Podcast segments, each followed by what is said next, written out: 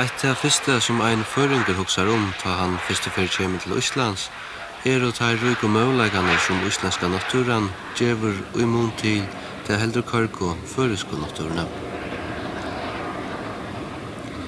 Føringar genga framvegis vi vånen om at olja skal sprutsi undergrundene, men Íslendingar hef i nekvar finnja en stóran parst av orskon Íslande søyne ur undergrundene tan heita kjeldan geiser hefur gjørst Ísland kjent om allan heim. Hon hefur verið tekjun om tann ekvu orskuna som íslenska undergrunden gaumur. Geiser, geiser sjoldan langur, men við syna av er en minni kjeldan som framvis Geiser.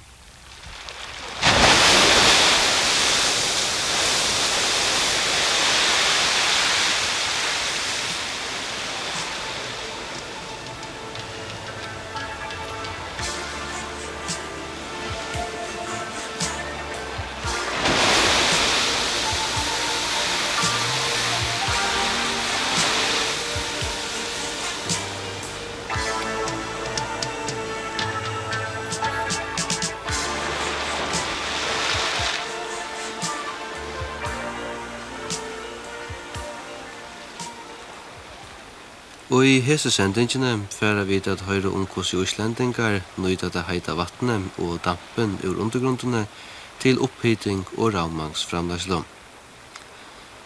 Men det er nok andre økje her islendingar få nytte ur det heita vattnet. Hette er Legaras Svimhyleren og Reykjavik, og hetta vattnet er pumpa ur hjørnet.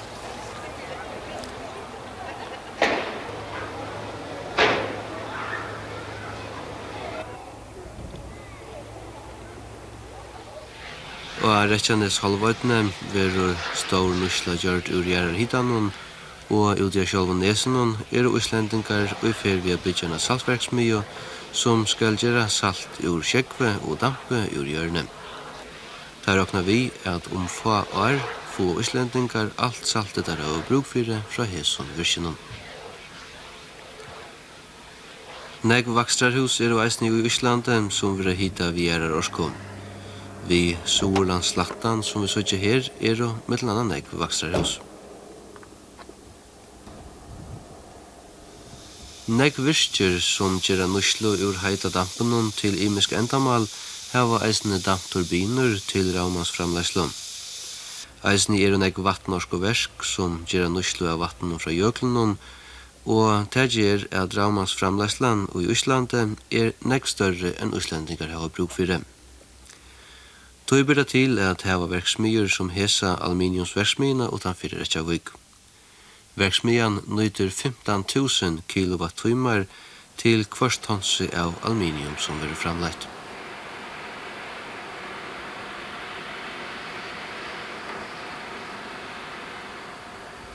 Her er vi til Reykjavík. Reykjavík, som hever 120.000 ubyggvar, er ein bøyer vi sera reinare luft. Her er og anki dolkandi elversk, fægir skorsteinar og anki affallsevner fra oljefyrum. Hita veitur Reykjavíkur tegur sær av oppbytingini av bynun. i letur hita til så a sia kvart einasta hus i Reykjavík. Íslendingar byrja av lango i 1928 er at gjerra nuslo av gjerrar hitanun til oppbytingar endamal. Ta for der a borra vi en heita kjeldom som var nødt til å vaska klær i. Så kvar som der båra om kom meir og meira og heitar og heitar vatn og pur. Og i fyrsta omfære var det heita vattnet nødt til et sjukrehus, en svimmihil, tvær skolar og nøkker sethus. Og i 1933 byrja å tæra borra vi reitjer 30 km utanfyr Reykjavik. Og i 1923 var ein rørleiing gjørt hjerne inn til byen, og i 1923 var allir terstastu boilingane Reykjavik hita hitavir i vattnet fra Reykjer. De neste årene var støvått flere hålbåra, bæg i Reykjavik og vi Reykjer, og støvått flere rørleiingar var lagter. Utbyggingen helt fram, og i det få så å si alle utbyggvarner i Reykjavik, Kaupavæje, Hafnafire og Gerabær hita fra Hitaveit og Reykjavikur. Og i Mial er vattnet opp mot 130 stigen til det kommer ur hjørnet. Her sørger vi et modell av bor i Og i Mial er det 12-1400 meter djup, men det djupaste er 3000 meter djup. Her sørger vi da et bor i hål vi reitjer. Her vil vattnet tidsi opp ur hjørne. Og her sørger vi så en av blandestøen som ligger stått fram. Her verur til heida vattnet blanda såleis at hiten er 45 sti og så gjerne vil det sendt jøgne rørleiingar inn til bojen. Og av inn til bojen kallnar vattnet vi omlai 5 stion. Og i Rekjavik er det seks store gamsla tankar som teka 4.500 kubikmeter av vatne, og herne veru vatne flott til 20 pumpestøyer imsastene i bynun, som så pumpa til heita vattnet ut i husene. Hita leitningarna i Reykjavík er bæg dubulter og enkulter. Her enkultrør vera nytt, vera vattnet best nytt einafer, medan her som dyrir dobbeltrør, vera vattnet leit atter til gamsla. Her verður det så atter blanda vi heitare vattnet, så lesa hiten atter kjemur på forsti. Íslendingar hava gjør stórar og i løvur og i at utbytja hitaverskjene, men utreislinar til opphytingina er best 20% av tøy som der høttu vere om husene var hita vi olje. Omlai hundra folk arbeida ansja hitaveitene. Tar hava just utbyggt vi ene stórare dataskipan som hever etterlit vi allare skipanene. Er brek av veitingene kunne tar beina veien sutja av hesson dataskjermen hver brek er.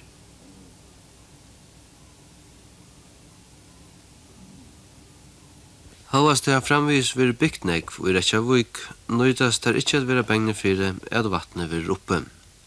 Fyrir stotton heva der bora negra nudjarhåler vi tingvallarvatne, og her er hiten av vatnen som kjemur oppe i jørene om 300 sti. Vi færa søgjan at vitja et anna hita versk.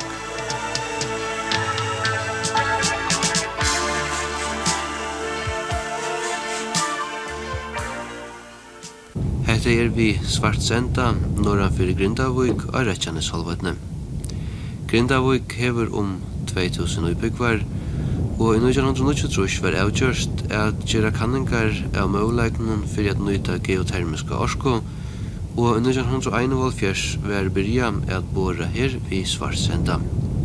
Og i det fer öll reikjanes halvvatjen hita fra hesson versjonen. Stjåren Ingolfur Ealsteinsson greier såleis fram. Man hade märkt länge att när det var kallt och vindstilla så um, uh, steg det lite rök ut av marken. Och dessutom förstås om vintern så kunde man se ögon i snötäcket. Men i alla fall så började det eh, varningar där i året 71 och då borrades det ner till 240 meter. Det visade sig att temperaturen där nere var ungefär 200 grader. Och dessutom var det ganska mycket vatten, det var ungefär uh, 60 liter i sekunden. Och det betydde alltså att det fanns mycket energi där. Men man blev ganska besviken när man uh, upptäckte att vattnet var salt. Det hade ungefär två tredjedelar av havsvattnet saltinnehåll. Och dessutom fanns det mycket med kemikalier, liksom uh, kisel, som uh, gjorde det uh, alltså omöjligt att, uh, att användas för direkt uppvärmning. Men i alla fall så borras ett hål till där i år 72 och då borrades det ner, ner till 400 meter. Men eh, det visar precis, det, det borrhålet visade precis samma sak och då ehm visste man att det fanns mera energi där än vad som behövdes för uppvärmning av detta samhälle här. Och då inbjöd alltså Grindavik, de andra kommunerna i detta område att delta i projektet. Men största delen av befolkningen finns på norrsidan av halven, Reykjanes halven. Och eh, då alltså kunde man kunde detta företag som vi kallar för Hita Veita Sudonesia och vi kunde kalla på skandinavisk uh, Södernes fjärrvärmeverk uh, stiftas och det var i året i slutet av året 74 att det stiftades och med deltagande av sju kommuner och den isländska staten. Det vill säga kommunerna, de äger uh, 60 procent och staten äger 40. Och då kunde man börja på byggnaden och det första var att man gjorde den där ledningen som är fyra kilometer lång, lång ifrån um, Svartsänki, som detta ställe heter, till Grindavik. Och samtidigt kunde man börja man på distributionssystemet här. Och det första huset tillknytades i eh, november 76. Sen fortsatte man norrut och den delledningen är uh, 12 kilometer lång. Och uh, den, uh, alltså till det första huset tillknytades här på norrsidan i slutet av året 77. Och sen dess uh, har man uh, tillknytat alla de här uh, samhällen och man kan säga att varenda uh, invånare här har fått sin geotermiska uppvärmning. Och det betyder alltså att sammanlagt är det ungefär 15 000 invånare som har fått den. Och dessutom är amerikanerna som bor här på flygfältet de har fått sin geotermiska uppvärmning. Och just nu för tiden använder de uh, ungefär 53 av vår produkt. Och då har vi fått ledningar tillsammans ungefär um, 300 kilometer långa. Och projektet det kostar idag ungefär 75 miljoner dollars. Men vad som är verkligen av stor betydning för detta område det är alltså vad kostar det, detta till konsumenten.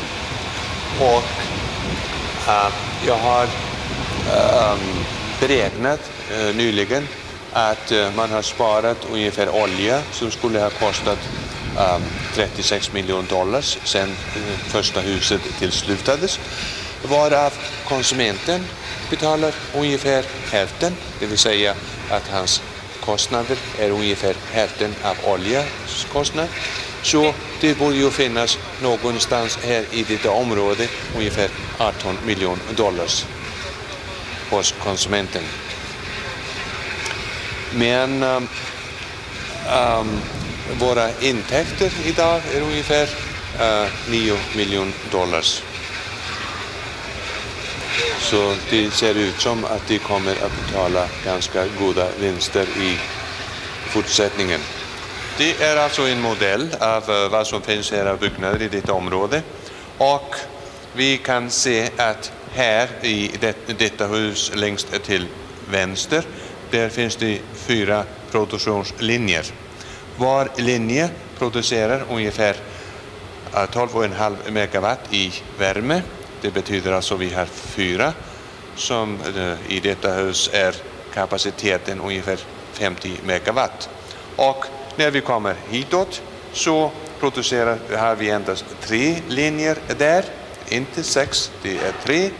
Och var har kapacitet av 25 megawatt. Det vill säga att vi har 75 plus 50, det vill säga 125 megawatt i värme som vi kan producera. Och det är ungefär 20 ton i minuten av vatten som är 80 grader varmt. Dessutom så producerar vi um, elektricitet. Vi har två små turbiner på 1 megawatt var och sen har vi en större turbin där borta på 6 megawatt.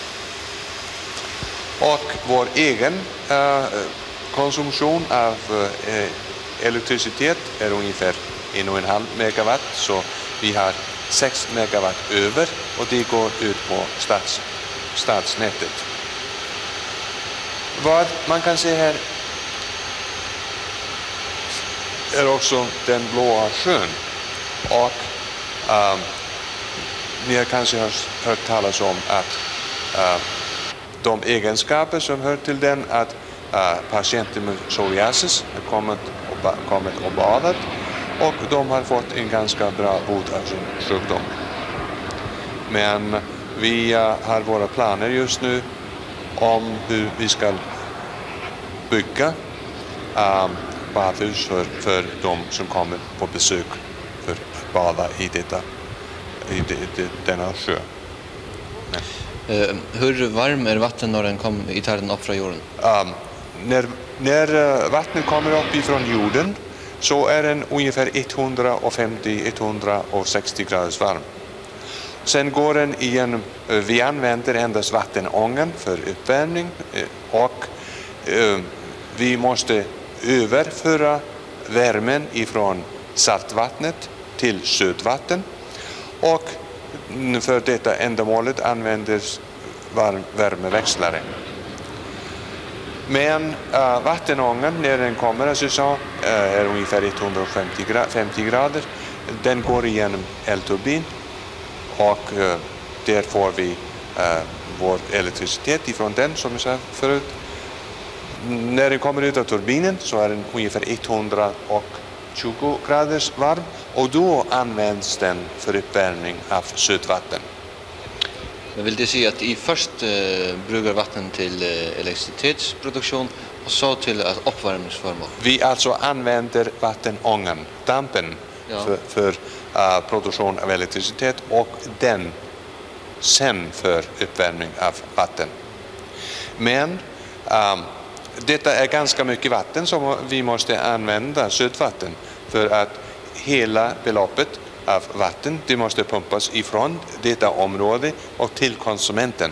Och där går det ungefär 80 grader varmt till eh, husen och kommer ut igen 40 grader varmt och då slängs den bort. Så det blir en ständig tillföring av vatten ifrån detta område ner till konsumenten. Och den, den kommer inte i retur? Den kommer inte i retur. Vilka framtidsplaner har i med det här företaget? Vi har inga större framtidsplaner för att vi har ju, det vill säga, vi använder endast 70-75% av vår kapacitet idag. Så det kommer att räcka till för uppvärmning, kommer, kommer detta att räcka till i, åtminstone till året 90. Men det är klart att det finns uh, mera energi och om det blir stora, uh, stora tillskott till uh, behovet av vatten så, så, så finns det här. Men är det inte planer om att utvidga elektricitetsproduktionen mer? Det är inga större planer om det, men det finns möjligheter att uh, det kommer till politiska uh, uh, politisk spörsmål också, politisk fråga. Hur många människor jobbar här på företaget? Uh, på företaget uh, arbetar tillsammans 36, men här i, uh, på detta ställe arbetar uh, 22. Som Ingolfur Ealstein så nevnte, renner det heita salta vattnet ut fra verkjennom, og hese årene er et vatten kommet ved søyen av verkjennom, som det hjelper tja psoriasis-kyklingon at sumjo i. Hiten i hese vatnen er mellom 30 og 100 sti, og her hava eisne føriske sjuklingar veri urrent at finnes seg leist om.